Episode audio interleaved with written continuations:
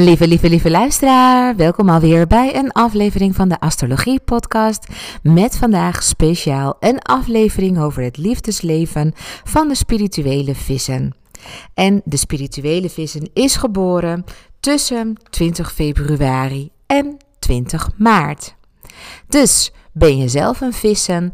Of ben je verliefd op een vissen? Heb je een relatie met een vissen?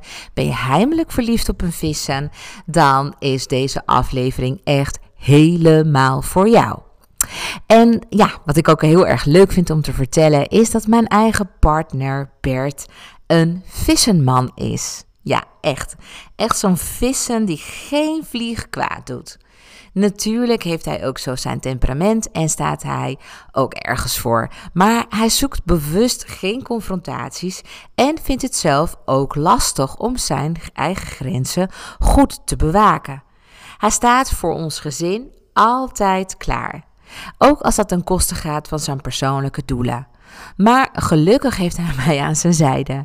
Want ik als rammetje houd het thuis wel even in de gaten dat iedereen wat doet en dat niet alles op de schouders van manlief komt. Ik ben veel makkelijker in werk delegeren en spreek iedereen aan op zijn of haar verantwoordelijkheden. Maar Bert en ik leren ook heel erg veel van elkaar. En zo heb ik lessen weer te leren op het gebied van geduld opbrengen en accepteren dat er meer wegen zijn die naar Rome leiden. En dat mijn wil dus niet altijd wet hoeft te zijn. En dat het soms moeilijk is, maar ook lekker. En Bert zelf leert natuurlijk meer om voor zichzelf op te komen. Want ja, hij heeft maar liefst eh, nee, vier, ja, vier rammeiden in huis. We hebben drie dochters en dat zijn dus drie rammetjes. Ik ben zelf een ram en dan hebben we nog een zoon en die is boogschutter. Maar een boogschutter is ook een vuurteken. Kortom, allemaal avontuurlijke types die er wel van houden om erop uit te gaan en ja, vol ideeën zitten en uh, nou ja, vaak de schouders onder projecten zetten. En uh, nou ja, dan hebben we natuurlijk Bert nodig, heel hard nodig, om onze doelen te bereiken en dat projecten ook gewoon afgemaakt worden. Hè? Dus, uh, nou ja, dus uh, het is, ja, misschien ben je zelf ook wel in aanraking geweest met vuurtekens of ben je zelf een vuurteken. Dan weet je zelf ook wel dat vuurtekens vaak weten wat ze willen.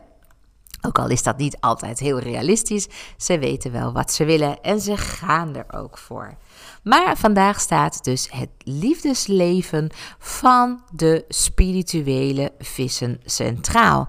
En nou denk je, hoezo spiritueel? Misschien ben je een vissen en voel je helemaal niet spiritueel. Ja, nou, of je kent genoeg vissen, maar die zijn niet spiritueel.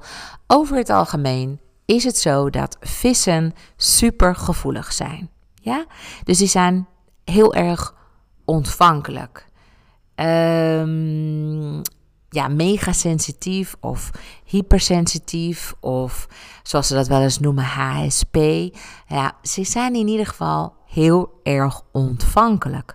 Ontvankelijk voor energieën, ontvankelijk voor onderstromen, voor intenties van mensen.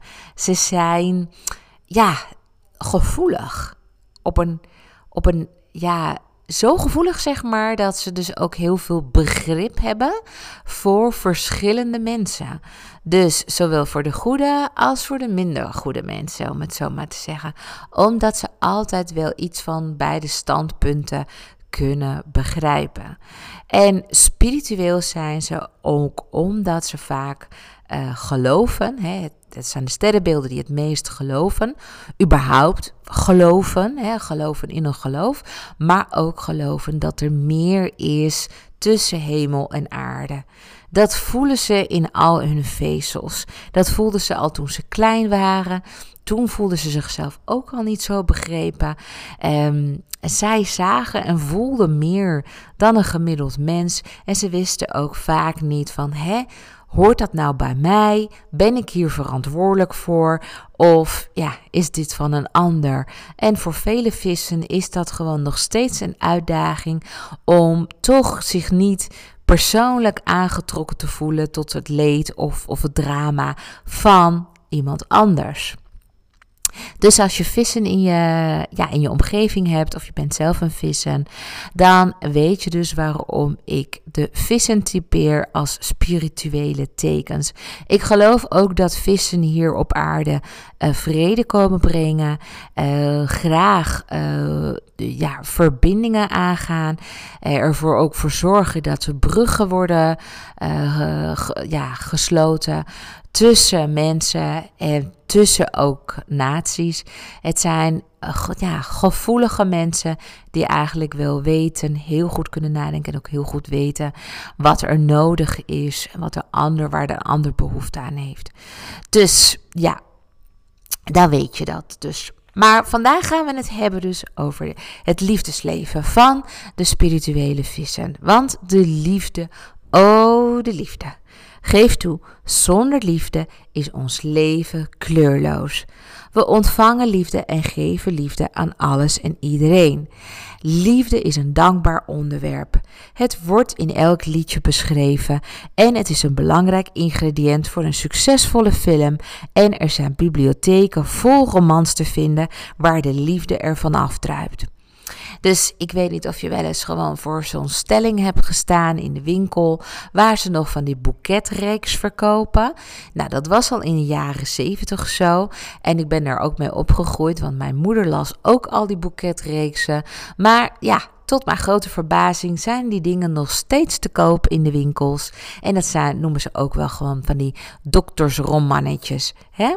Waarin dus vrouwen of mannen heimelijk verliefd op elkaar zijn. En er een, soort van, van nou ja, uh, worstelingen doorheen moeten gaan om toch bij elkaar te kunnen komen. Vaak is het de liefde tussen een arts en, en een patiënt. Of tussen een, uh, nou ja... Uh, een, een, onbereikbare man. Het zijn in ieder geval allemaal mooie romans om bij weg te zwijmelen. En die doen het gewoon nog hartstikke goed. En ik vertelde ook al in andere podcasts over de film Gone with the Wind. Ik weet niet of je die kent. Gone with the Wind, Wind is een klassieker. En daar speelt Scarlett O'Hara in mee. En die, uh, dat is gewoon het typische prototype van een, rammeisje. Ze speelt eigenlijk een beetje de, ja, de stoute, stout, stout meisje met veel idealen en een eigenzinnige kop. Die weet wel wat ze wil.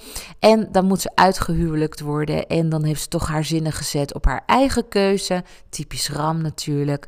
En dan ja, valt ze op een onbereikbare man, ene Clark geloof ik.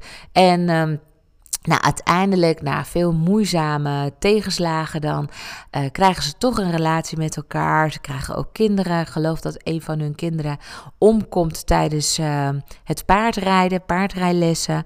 En uh, dat hij ook wordt uitgezonden om aan het front te gaan vechten. En dat zij dan achterblijft. En dat dan blijkt dat zij in plaats van ja, het mooie prinsesje toch opeens gewoon een beroep moet doen op haar eigen innerlijke bron van kracht.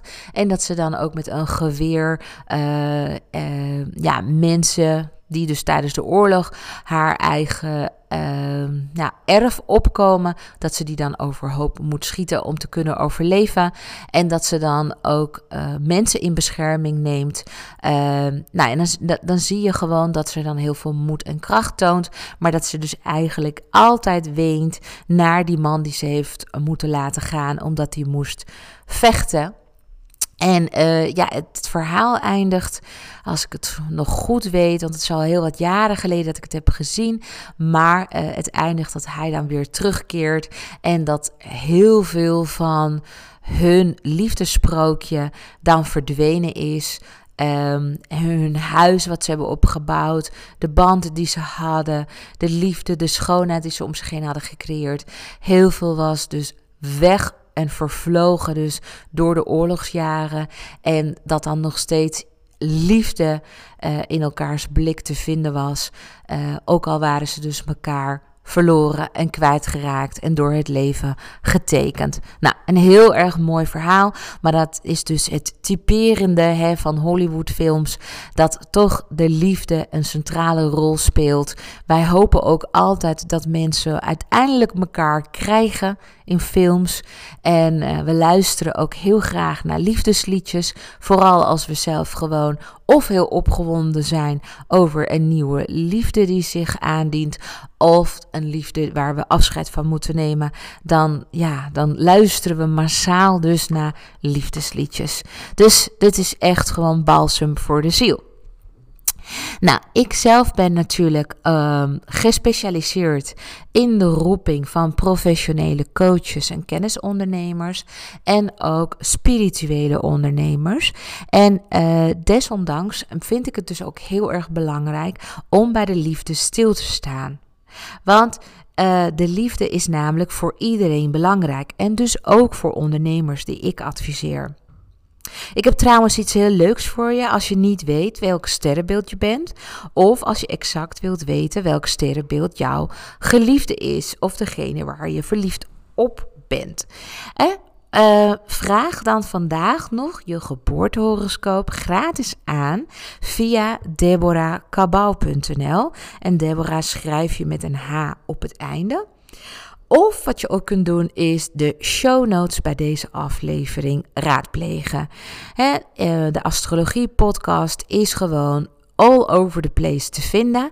Ik ben via Google te vinden, via Apple Podcast te vinden, via Spotify te vinden en ook op mijn eigen platform, mijn eigen website. En als je dus dubbelklikt op de aflevering, dan uh, nou, wordt een menu uitgeklapt en dan zie je wat meer tekst. En uh, daarin zijn allerlei links opgenomen naar interessante blogs, maar ook dus naar het aanvragen van de gratis geboortehoroscoop. Dus dubbelklik op de aflevering en dan vind je veel meer informatie.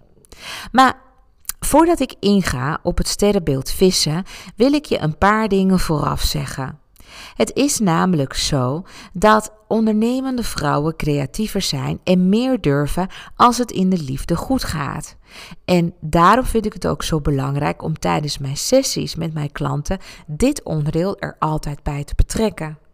Ben je nu een man en zit je ook naar deze aflevering te luisteren en vraag je je af of dit ook voor mannen is? Ja, het is ook voor mannen.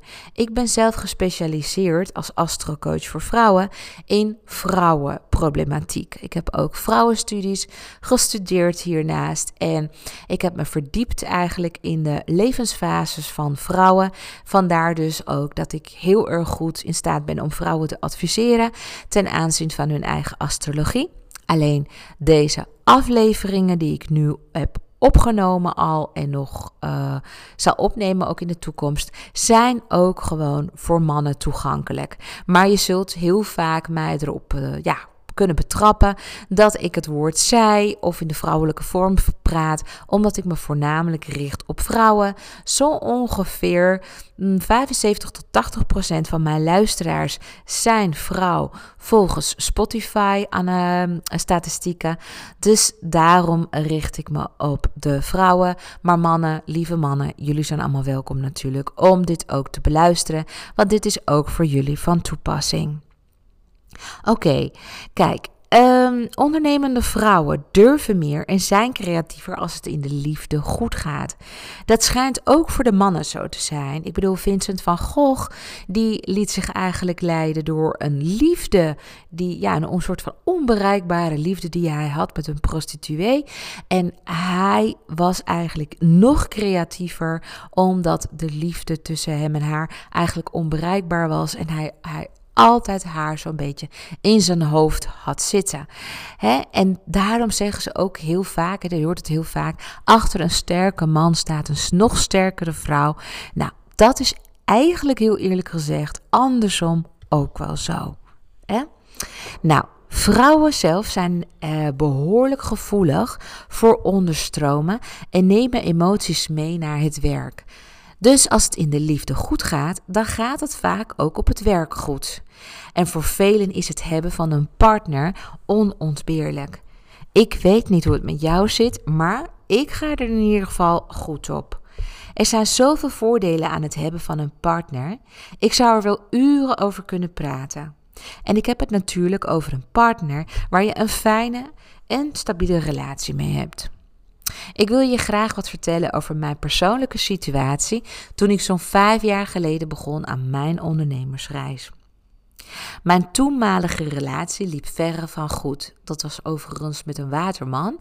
Niet dat dat een verklaring geeft voor onze verstandhouding, maar ja, het was wel een echte waterman die hield van zijn eigen vrijheden en zich niet aan banden liet leggen en altijd in discussie ging en ook altijd dacht en nog steeds denkt dat dat wat hij bedenkt de enige waarheid is. Dus dat hij heel goed weet, ja, ik noem het maar even eigenzinnig als de pest. En dat is heel erg de watermand te voeten uit. Maar goed, ik zat toen uh, met hem in een relatie en onze relatie liep gewoon stroperig. Het was een beetje moeizaam. Hè? Ik hou een beetje van, nou, samen eten, eh, samen ook gezellig wat gaan doen, eh, samen erop uit. En hij had meer zoiets van, ga lekker zelf en ik kom thuis wanneer ik klaar ben met mijn werk. En uh, nou, hij had meer behoefte aan zijn ruimte en aan zijn uh, vrijheid. En uh, nou, daar, had, daar had ik zelf wel best wel veel moeite mee. Omdat ik hou ook wel van mijn vrijheid. Maar ik hou er ook van om samen uh, herinneringen te maken. En dus ook samen te overleggen. En samen ook van dingen te genieten. Hè? Dat is toch mooi als je iets moois meemaakt. Dat je dat direct kunt delen met iemand. Dus maar goed, ik zat steeds vaker niet op één lijn uh, met hem. En toen ik zelfs op een dag thuis kwam met het idee om voor mezelf te beginnen, dat werd dan op z'n zacht gezegd niet met open armen ontvangen. Ik kreeg heel wat mitsen en maren naar mijn hoofd. Zeker toen ik zei dat ik een astrologisch adviesbureau wilde starten. Nou, hij raadde het me letterlijk af. Hij zei dat ik mijn goede reputatie te grabbel gooide en dat als mijn bedrijf in astrologie zou floppen, ik nooit meer aan de slag kon in het bedrijfsleven. Hij wilde liever dat ik bij Shell, Campina of de ANWB zou gaan werken en mijn internationale achtergrond zou gebruiken in mijn werk. Dus als HR business partner. En hij zag mij ook furoren maken als personeelsdirecteur en dat ik ook mijn Spaans, Frans en Engels zou gaan gebruiken. Maar weet je, ik was klaar met het bedrijfsleven. Ik had al 15 jaar gezien hoe het er tussen personeel en directie aan toe ging en ik vond het gewoon tijd om voor mezelf te beginnen. Maar ik wilde ook geen confrontatie met mijn partner. Ik kan me nog zo goed herinneren dat ik hem vroeg of ik mocht investeren in astrologie software. Zijn eerste reactie was ook: hoe ga je dat bedrag in godsnaam terugverdienen? Nou ja, en heel eerlijk gezegd, ik had destijds echt geen flauw idee. Ik wist alleen dat het in mijn sterren stond dat ik zelfstandig ondernemer zou worden en dat ik vrouwen zou adviseren met een niet-alledaags beroep. En ook nog eens een beroep die te maken heeft met spirituele ontwikkeling. En ik zou mijn sales- en marketingkwaliteiten ehm, um, ten dienste stellen aan vrouwen die nog iets van me kunnen leren. Maar toen ik met dit bij hem aankwam, vond hij dit allemaal veel en veel te vaag. Maar ik bleef geloven dat het pad zich stap voor stap zou ontvouwen. Omdat hij de investering onzin vond, kocht ik de software zonder zijn goedkeuring. Ja, hé, hey, wat denk je? Ik ben een ram, hè? En uh, ja, hij vond me eigenwijs. En we kregen dus alsnog een conflict. Het werd er niet beter op toen ik samen met hem bij de Kamer van Koophandel zat. Ik had hem meegenomen zodat hij een mooie foto kon maken op het moment dat ik mijn handtekening zou zetten onder de inschrijvingspapieren. Misschien ken je dat moment wel ik weet niet of je hebt ingeschreven ooit bij de Kamer van Koophandel. Maar zo iemand voelt zich dan op dat moment echt heel dapper en moedig. En denkt: jee, ik zit er nu tussen. Vanaf nu doe ik ook mee aan het economisch verkeer. Ik heb een eigen bedrijf. En nou ja, je hebt heel veel verwachtingen over de toekomst. Dat je, mooi, ja, dat je mooie business kunt gaan opzetten. Maar het is ook rete spannend. En ja, daarom wil je dat moment ook heel graag vastleggen. En met de wereld delen Dus misschien zijn er wel mensen in jouw omgeving die op hun tijdlijn ook een foto hebben geplaatst toen zij um, zich hebben ingeschreven bij de Kamer van Koophandel. Nou, dat moment had ik dus ook. En ik had echt mijn partner meegenomen om dat moment voor eeuwig vast te leggen. Maar uh, dat liep dus heel anders af. Ik heb destijds uh, mijn bedrijfsplannen aan de ambtenaar helemaal toegelicht. En de ambtenaar was zo benieuwd dat hij eigenlijk ook wel zijn uh, geboortehoroscoop wilde laten analyseren door mij. Hij was christelijk, maar desondanks ook erg open-minded. Met vuur in mijn ogen vertelde ik hem over mijn wilde ondernemersplannen. En op het moment dat ik de handtekening wilde plaatsen, hoorde ik mijn partner mompelen tegen de ambtenaar: Ik heb helemaal niets met haar vak. Nou, je kunt je wel voorstellen hoe onze rit weer terug naar huis was. Ik bedoel, kom on, als iemand gewoon gaat zeggen: Ik heb niks met haar vak. En dat is gewoon, ja, dat is een dolk in je hart. Dus de sfeer lag ver onder het vriespunt. Bij thuiskomst werd geen champagnefles opengetrokken. Er stonden me ook geen bloemen te wachten. Niets. Echt, geen felicitatie kon er vanaf. Helemaal niets, nada. En dat was heel eerlijk gezegd een moment dat er iets in mij knakte. Ik geloofde namelijk zo sterk in wat ik te doen had, dat ik alles op alles heb gezet om er een succes van te maken. Mijn toenmalige partner was een sta in de weg geworden die mijn missie niet diende. En het is daarom ook logisch dat de relatie geen stand hield. Sowieso heb ik in mijn leven vaak tegenwerking en ontmoediging gehad. Maar ik heb altijd vertrouwen in mezelf gehouden en ik heb doorgepakt. Ik heb nu al een paar jaar een super fijne relatie met Bert. En Bert gelooft in mij. Hij laat me mijn ding doen en helpt me zelfs om mijn bedrijfsprocessen te stroomlijnen. Hoe lekker is dat? Als jij net als ik ook een vrouw bent, wil ik ook dat je weet dat mannen niets liever willen dan dat hun eigen vrouw groeit en bloeit. Een man voelt zich helemaal niet bedreigd door zijn partner en zeker de huidige generatie van nu niet. Een man vindt het zelfs waanzinnig aantrekkelijk als een vrouw haar talenten weet te verzilveren. Mannen kunnen zelfs tegen hun vrouwen opkijken en een geweldig gevoel van trots ervaren. Dus laat je niet tegenhouden door de gedachte dat je je partner in zakelijk opzicht niet mag overtreffen. Alsjeblieft, ga je gang. Haal eruit wat erin zit. En als je dochters hebt, geef hen het goede voorbeeld.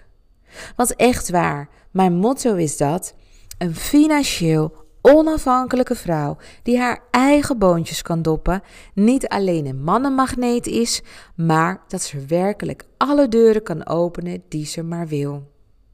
Klinkt mooi, dus daarom ga ik hem herhalen.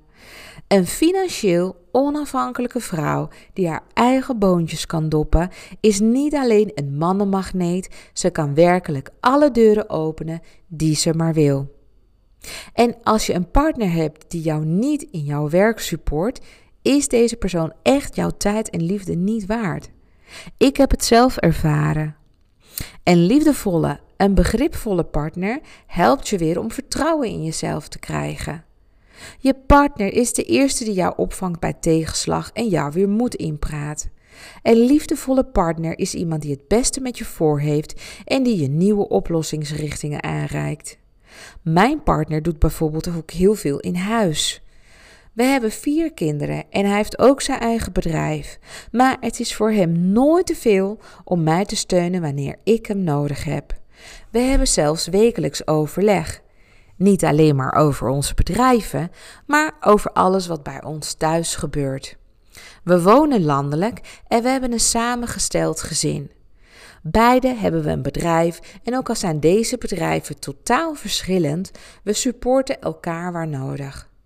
Mijn geliefde is ook mijn business buddy en daar heb ik het echt waar mee getroffen. Jouw situatie zal ongetwijfeld anders zijn, maar feit is ook dat voor jou de liefde de levenselixer is. Wist je trouwens dat mensen langer leven als ze een partner hebben waar ze het, mee kunnen, ja, waar ze het leven mee kunnen delen? Dat blijkt uit allerlei onderzoeken. En wist je ook dat het hele van een gebroken hart een spirituele daad is van de bovenste plank? Namelijk, het is zo dat een gebroken hart zo ongelooflijk veel pijn doet. En, zo, en ja, die pijn komt voort eigenlijk door allerlei verwachtingen en projecties die we allemaal in onszelf hebben. Dat om daarvan te herstellen en te helen, moeten we ook naar binnen toe om te kijken hoe het met onszelf is gesteld. Waarom zijn we zo afhankelijk van de ander? Hè? Wat, wat speelt er nou eigenlijk allemaal nog mee? Wat zegt het over onszelf, over onze jeugd en over ja, trauma's die we zelf hebben opgelopen? En dat we toch wel denken en, en voelen dat de dat die persoon die we verliezen dan ook echt de enige is die ons leven compleet kan, kan maken. Dus ja, het is echt een spirituele daad van de bovenste plank. Kortom, we hebben allemaal lessen te leren als het gaat om de liefde. Het gaat dus grotendeels over onszelf. Ik kan er echt heel erg veel over vertellen. En omdat de liefde zo ontzettend belangrijk is voor ons welzijn en productiviteit, maak ik dus voor alle twaalf sterrenbeelden een eigen podcast. Ik heb dus nu, hè, dit is de podcast van de vissen, de elf podcasts hiervoor zijn dus ook van alle andere sterrenbeelden en hun liefdesleven. Dus ik ga nu natuurlijk heel snel beginnen over de spirituele vissen, want dat is natuurlijk wat je wilt horen. Vandaag staat het liefdesleven van de spirituele vissen centraal. Ik ga je er heel veel over vertellen, maar voordat ik dat doe, vind ik het belangrijk dat je een paar dingen vooraf weet. Want het is te kort door de bocht om te zeggen dat alle vissen gelijk zijn aan elkaar. We kunnen en mogen alle vissen dus niet over één kam scheren. Want als alle vissen gelijk zijn in de liefde, betekent het dat 1 op de 12 mensen, want ja, er zijn 12 sterrenbeelden, dat 1 op de 12 dus op jou zou lijken. En dat is natuurlijk niet zo. Maar een aantal gelijkenissen kunnen wel getrokken worden. Als je voor het eerst naar mijn podcast luistert, dan raad ik je aan om aflevering 31 van de Astrologie Podcast te beluisteren. En die gaat over welke sterrenbeelden het beste bij elkaar passen. Ik leer je in twee super simpele stappen om jouw ideale match te vinden. Ik heb namelijk een methode ontwikkeld om heel snel erachter te komen wie bij jou past. Dus luister maar lekker hierna nog naar aflevering 31. En als je dan toch bezig bent, dan raad ik je ook aan om aflevering 5 te beluisteren. Want in populaire bladen wordt het ten onrechte van uitgegaan dat je alleen maar één van de twaalf sterrenbeelden bent. In aflevering 5 van de Astrologie Podcast leg ik je dus uit hoe het komt dat sommigen zich meer herkennen in een ander sterrenbeeld dan in hun eigen sterrenbeeld. Ook ontdek je dat jouw geest bestaat uit een samenstelling van 12 sterrenbeelden. De hoeveelheid energie per sterrenbeeld die je hebt gekregen verschilt van persoon tot persoon. Kortom, mijn advies is: luister zowel naar aflevering 31 als naar aflevering 5 voor een completer beeld. En ik wil ook dat je weet dat het dus te kort door de bocht is om te zeggen dat je niet bij iemand past op basis van je sterrenbeeld. Want dat is echt klinkklare onzin. Want je moet dieper analyseren dan alleen je sterrenbeeld. Daar trouwens waar ik het woordje sterrenbeeld gebruik, bedoel ik ook zonneteken en vice versa. Het is eigenlijk een term hè, die voor beide wordt gebruikt. Dus je sterrenbeeld is ook wel je zonneteken. Maar goed, wat je moet weten is dus dat astrologen een zogenaamde synastrie maken van twee gecombineerde horoscopen om exact uit te vogelen in hoeverre twee mensen met elkaar matchen. En dit is al een kunst op zichzelf. Ik kan ook heel goed zien wat twee mensen van elkaar te leren hebben, waar hun uitdagingen liggen en welke thema's steeds de kop op zullen steken.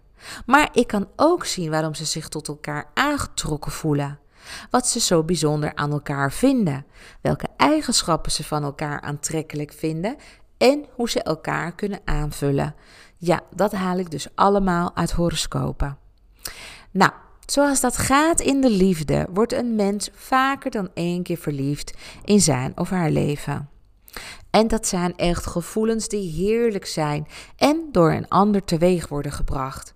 Maar in feite spreidt de ander kwaliteiten tentoon die jij ook in je hebt en die je graag tot ontwikkeling wil laten komen. Je vindt de ander geweldig, maar in feite vind je jezelf geweldig. Dit noemen we ook wel projectie. Maar daar ga ik het nu niet verder over hebben. Maar dan weet je dus dat de liefde veel en veel complexer in elkaar steekt dan alleen wat ik je nu ga vertellen. My goodness. Jay, wat een mega lange intro zul je wel denken. maar, maar goed, het is wel belangrijk, want dan weet je dus ehm, veel meer. Uh, en ben je ook een stuk wijzer geworden. Maar goed, zullen we het dan nu maar hebben over de spirituele vissen? Ja, nou, let's go. Hoe vissen zijn in relaties. Verliefde vissen houden van romantiek en ervan om meegesleurd te worden in emoties. Ze willen echt voelen en ervaren dat twee verwante zielen samenkomen. Ze zoeken een partner waar ze zich volledig thuis bij voelen en waar ze romantische uren mee door kunnen brengen. Ze houden van dinertjes bij kaarslicht, mooie muziek, Valentijnskaartjes en sentimentele cadeautjes. Alles erop en eraan. De vissen zijn zelf warm, gul, ondersteunend, zachtaardig, inlevend, sexy, mysterieus en mega spiritueel. Verliefde vissen zijn mega gevoelig. Ze hebben antennes om vanaf een grote afstand al gevoelens en gedachten van hun geliefde mee op te vangen. Als er ooit een vissen verliefd op je is geweest, dan weet je dat. Ze hebben een zachte en begrijpende energie en dat geeft de ander vaak het gevoel van thuiskomen. Bij een verliefde vissen, uh, uh, of Kom bij een verliefde vissen dus zelf niet met goede raad, want ze hebben lange tenen en ze zien heel vaak dus ja, jouw commentaar als kritiek. Ze staan er gewoon helemaal niet voor open. Eenmaal verliefd, blijven ze verliefd. En dan, zoals iedereen dat heeft, de geheime schaduwkanten van vissen. Alle sterrenbeelden hebben geheime schaduwkanten. Kanten waar je niet zo trots op bent en waar je liever niet onbekend wil staan. Maar ja, zonder duisternis geen licht en geen licht zonder duisternis. Dus ik vind het toch belangrijk om te benoemen hè, wat de schaduwkanten zijn van vissen, zodat je daarop bedacht bent. En ben je zelf een vissen, dan is het natuurlijk extra interessant om te weten wat je eigen schaduwkanten zijn en wat je er dus aan kunt doen. Vissen geven je vaak het gevoel dat ze dromerig zijn. Dat ze compleet opgaan in alles wat je zegt en dat ze alles in zich opnemen. Dat ze overal wat bij voelen. Maar echter, de ware kracht van vissen zit in extreem logisch en helder nadenken, vooral als ze ontspannen zijn. Ze vluchten niet weg in hun fantasie. Juist niet. En dat is ook het mooie en verraderlijke van dit teken. Je kunt ze onverdonderen met allerlei informatie en denken dat ze daar nooit een helder verhaal van kunnen brouwen. Maar niets is minder waar. Het is zelfs zo dat vissen, behalve veel tekst, ook onderstromen en emoties uitstekend kunnen opzuigen. Ze hebben de gave om van die brei een logisch verhaal te componeren. Soms is dat vermoeiend voor een vissen. Het lijkt dan alsof ze volledig verloren zijn en om hulp vragen. En dan natuurlijk de bedgeheimen van vissen. Ik weet niet uh, of je zelf een visser bent, maar uh, ik richt me dus nu even op de vissen zelf. Seks kan namelijk voor jou werkelijk een remedie zijn tegen verdriet of eenzaamheid. Juist als je wat minder lekker in je vel zit, kan een goede vrijpartij je weer helemaal opbeuren. Ook als je het idee hebt dat je geliefde wel een verzetje kan gebruiken, geef je hem of haar dit in de vorm van seks. Kennelijk ben je erg gevoelig voor de hormonen noradrenaline en endorfine die in de hersenen vrijkomen tijdens de seks. Sommige vissen kunnen werkelijk seksverslaafd worden. In de liefde geef je je vaak over aan je emoties. Zodra je iemand aantrekkelijk vindt of sympathie voor hem of haar voelt, denk je dat er sprake kan zijn van liefde. Uiteraard is dit lang niet altijd het geval. En sommige vissen verwaren seks met liefde, of juist totaal niet. En dan heb ik nog wat sekstips voor vissen. Als je iemand vindt die het geen enkel probleem vindt om langdurig je voeten te masseren of zelfs aan je tenen te sabbelen, zul jij je zeer gelukkig prijzen. De zenuwen die zich in de voetzolen bevinden zijn namelijk hypergevoelig en maken allerlei verlangens in je los als deze worden getriggerd. Je bent sowieso erg gevoelig en een grof gebekte partner of iemand die überhaupt te hard praat, vind je zeker niet aantrekkelijk. In het zwembad voel jij je letterlijk als een vis in het water. Dus samen poedelen of stoeien terwijl jullie elkaar natte, gladde lichamen aanraken en vastpakken, nou, dat kan voor jou echt een fijn voorspel zijn. Seks in een privépool of jacuzzi mag wat jou betreft altijd. En dan ga ik het hebben over welk sterrenbeeld het beste bij vissen past, want dat is een veel en veel gestelde vraag. Dus wie past het beste bij de vissen?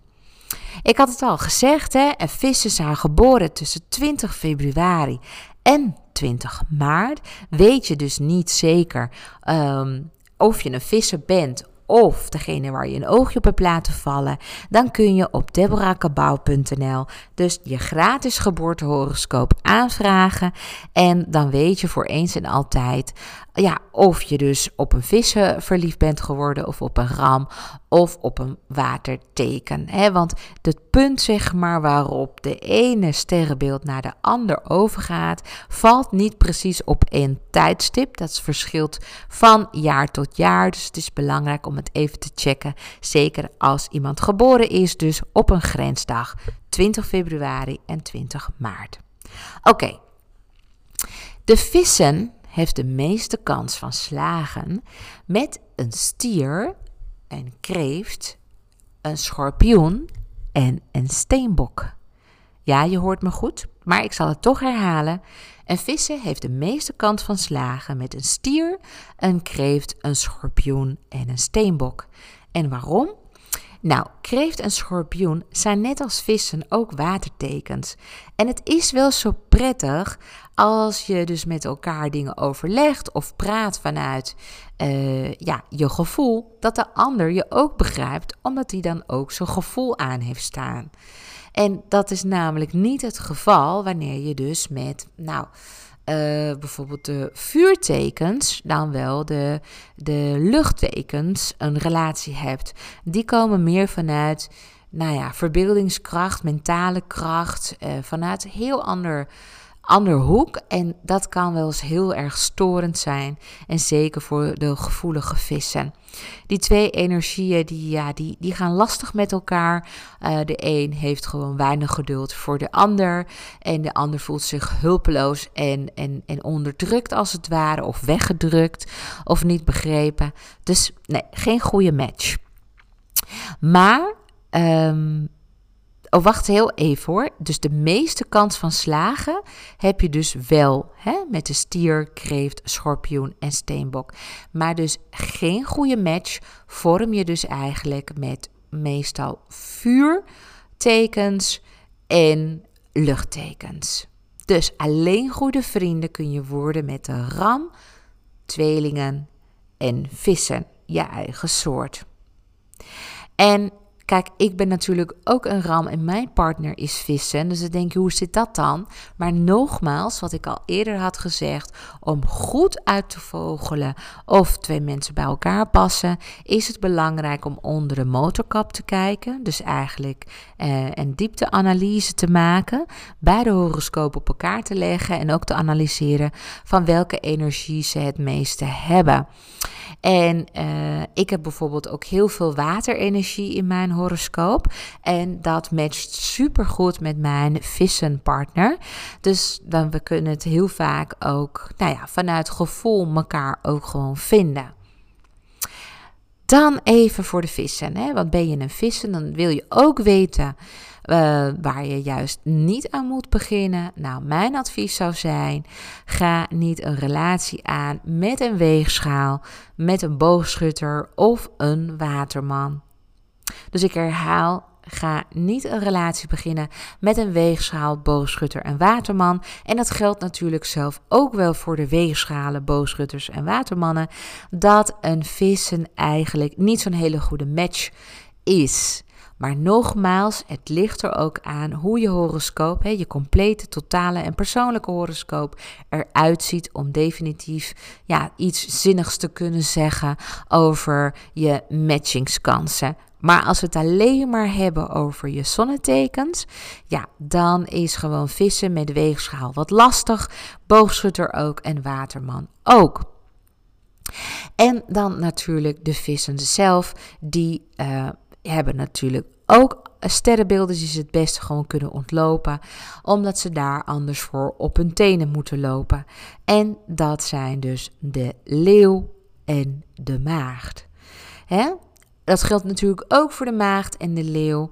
Een relatie met een vissen wordt erg problematisch, want je loopt continu dus op je tenen. Je komt echt zo vanuit een andere energie. Um, en dat is heel, heel lastig te verenigen. Uh, waardoor je elkaar, ja, als je conflicten hebt, dan stapelen conflicten zich op. En je moet weten dat, hè, dat er veel onderzoek is gedaan naar uh, wat maakt een relatie uh, kansrijk en wat niet. Hoe kan je dat herkennen? En een van de belangrijkste dingen is dat um, partners elkaar moeten kunnen beïnvloeden. Dus als jij jouw partner kan beïnvloeden en jouw partner jou kan beïnvloeden, dan heb je een hele grote kans dat je relatie uh, heel, heel lang zal duren. Want uh, het schijnt dat het heel belangrijk voor ons is dat we nou ja, ook onze wil kunnen en moeten kunnen opleggen in de relatie. Dat er ook naar ons wordt geluisterd. Maar dat we ook ontvankelijk zijn voor wat de ander wil. En uh, dan krijg je een soort van geven en nemen binnen de relatie. En dat is een van de belangrijke indicatoren die aangeven dat een relatie goed zal gaan. Nou, als je dus komt vanuit een heel ander element, en er zijn vier elementen: lucht, vuur, water en aarde. Ja, sommige uh, combinaties gaan gewoon niet goed met elkaar. Maar water en aarde gaan wel goed met elkaar. En daarom, uh, ja, kun je natuurlijk wel goed een relatie hebben met een steenbok en een stier. Maar dus niet met een maagd. Want een maagd is weer uh, ook, ja, heeft Mercurius weer als heersende planeet. En dat is ook wel weer een denkteken. En ja, dan verzand je gewoon in een soort van wel eens niet eens. En daarbij is de maagd heel erg geordend en is de vissen chaotischer. En dat is natuurlijk ook heel lastig om dat samen te verenigen. Aan de andere kant zeggen ze ook wel opposites attracts. Dus dat het tegenovergestelde ja, sterrenbeelden elkaar ook aantrekken. Dus ja, zeg nooit nooit. Alleen het is wel zo dat over het algemeen uh, vissen op hun tenen moeten lopen bij leeuwen en maagden. Nou, en dan wil ik het nu natuurlijk, uh, ja, wat mij heel vaak wordt gevraagd. Deborah, heb jij nog gouden relatietips? Um, beste relatietips? Hoe houd ik een relatie met een vissen vol? Wat moet ik aan voldoen? Maar vooral ook tips voor de vissen zelf. Hè, want ben jij een vissen? realiseer je dan dat je vaak ongrijpbaar bent voor je partner. Je kunt heel empathisch zijn en dan ineens zwem je de andere kant op. Je voelt dan koud aan en dan laat je je partner radeloos achter. En hier is dus niet iedere relatie tegen bestand. Pas daar dus een beetje mee op. En vissen offeren zichzelf met liefde op voor de persoon van wie ze houden. Maar probeer niet altijd de held uit te hangen, lieve vissen. Want al die zelfopoffering kan ervoor zorgen dat je vroeg of laat wrok begint te koesteren tegenover je partner. Relaties draaien om geven en nemen en soms moet jij gewoon wat meer nemen. Nou, en zo valt er nog veel en veel meer te vertellen over de spirituele vissen. Maar voor nu houd ik het even hierbij, want ja, ik heb je al overladen met heel veel informatie. Het is genoeg voor nu. En wat ik je al eerder tipte in deze aflevering, luister ook even naar aflevering 31 en aflevering 5 van de Astrologie Podcast. Waarom? Nou, in aflevering 31 leer ik je in twee super simpele stappen te achterhalen wie jouw ideale match is en vertel ik je ontzettend veel over de complexiteit van de liefde, zoals dat je delen van jezelf projecteert op je geliefde. En in aflevering 5 ontdek je dat je alle 12 sterrenbeelden in je hebt en dat de samenstelling verschilt van persoon tot persoon en dat het zomaar kan zijn dat je een leeuw bent, maar toch veel eigenschappen vertoont van bijvoorbeeld een steenbok. Dus heel erg interessant en leerzaam. Nou, Dankjewel voor het luisteren. Ik hoop dat deze aflevering je heeft geholpen, want daar doe ik het voor. Volgende keer heb ik weer een hele gave aflevering voor je in petto. Ik ga nu me buigen over een boek wat ik aan het schrijven ben, namelijk Your Greatest Gifts from the Universe. Dat is een project waar ik jarenlang aan heb gewerkt en um, waar ook al veel bestellingen voor zijn geweest. En mogelijk heb jij ook ooit een horoscoopboek bij mij besteld en wacht je nog met smacht op jouw boek. Ik wil je laten weten dat ik je niet ben vergeten, dat je absoluut op mijn lijst staat, dat ik je geduld enorm waardeer en dat ik je ook voor je geduld eh, zal belonen. Dus maak je geen zorgen. Hè? De, de bestelling die je hebt geplaatst is in goede orde ontvangen. Je staat gewoon keurig op de lijst. En ik ben in de tussentijd aan het ontwikkelen. Het opnemen van podcast is voor mij een manier om alvast kennis met de wereld te delen omdat er gewoon veel mensen zijn en steeds meer die het prettig vinden om te luisteren, omdat ze weinig tijd hebben om een boek erbij te pakken. Dus op deze manier hoop ik dat je in de tussentijd kan genieten van de podcast die ik maak. En nu ga ik de rest van de dag besteden aan het schrijven en afmaken van mijn andere projecten. Bedankt voor het luisteren en heel graag tot de volgende keer. Hoi!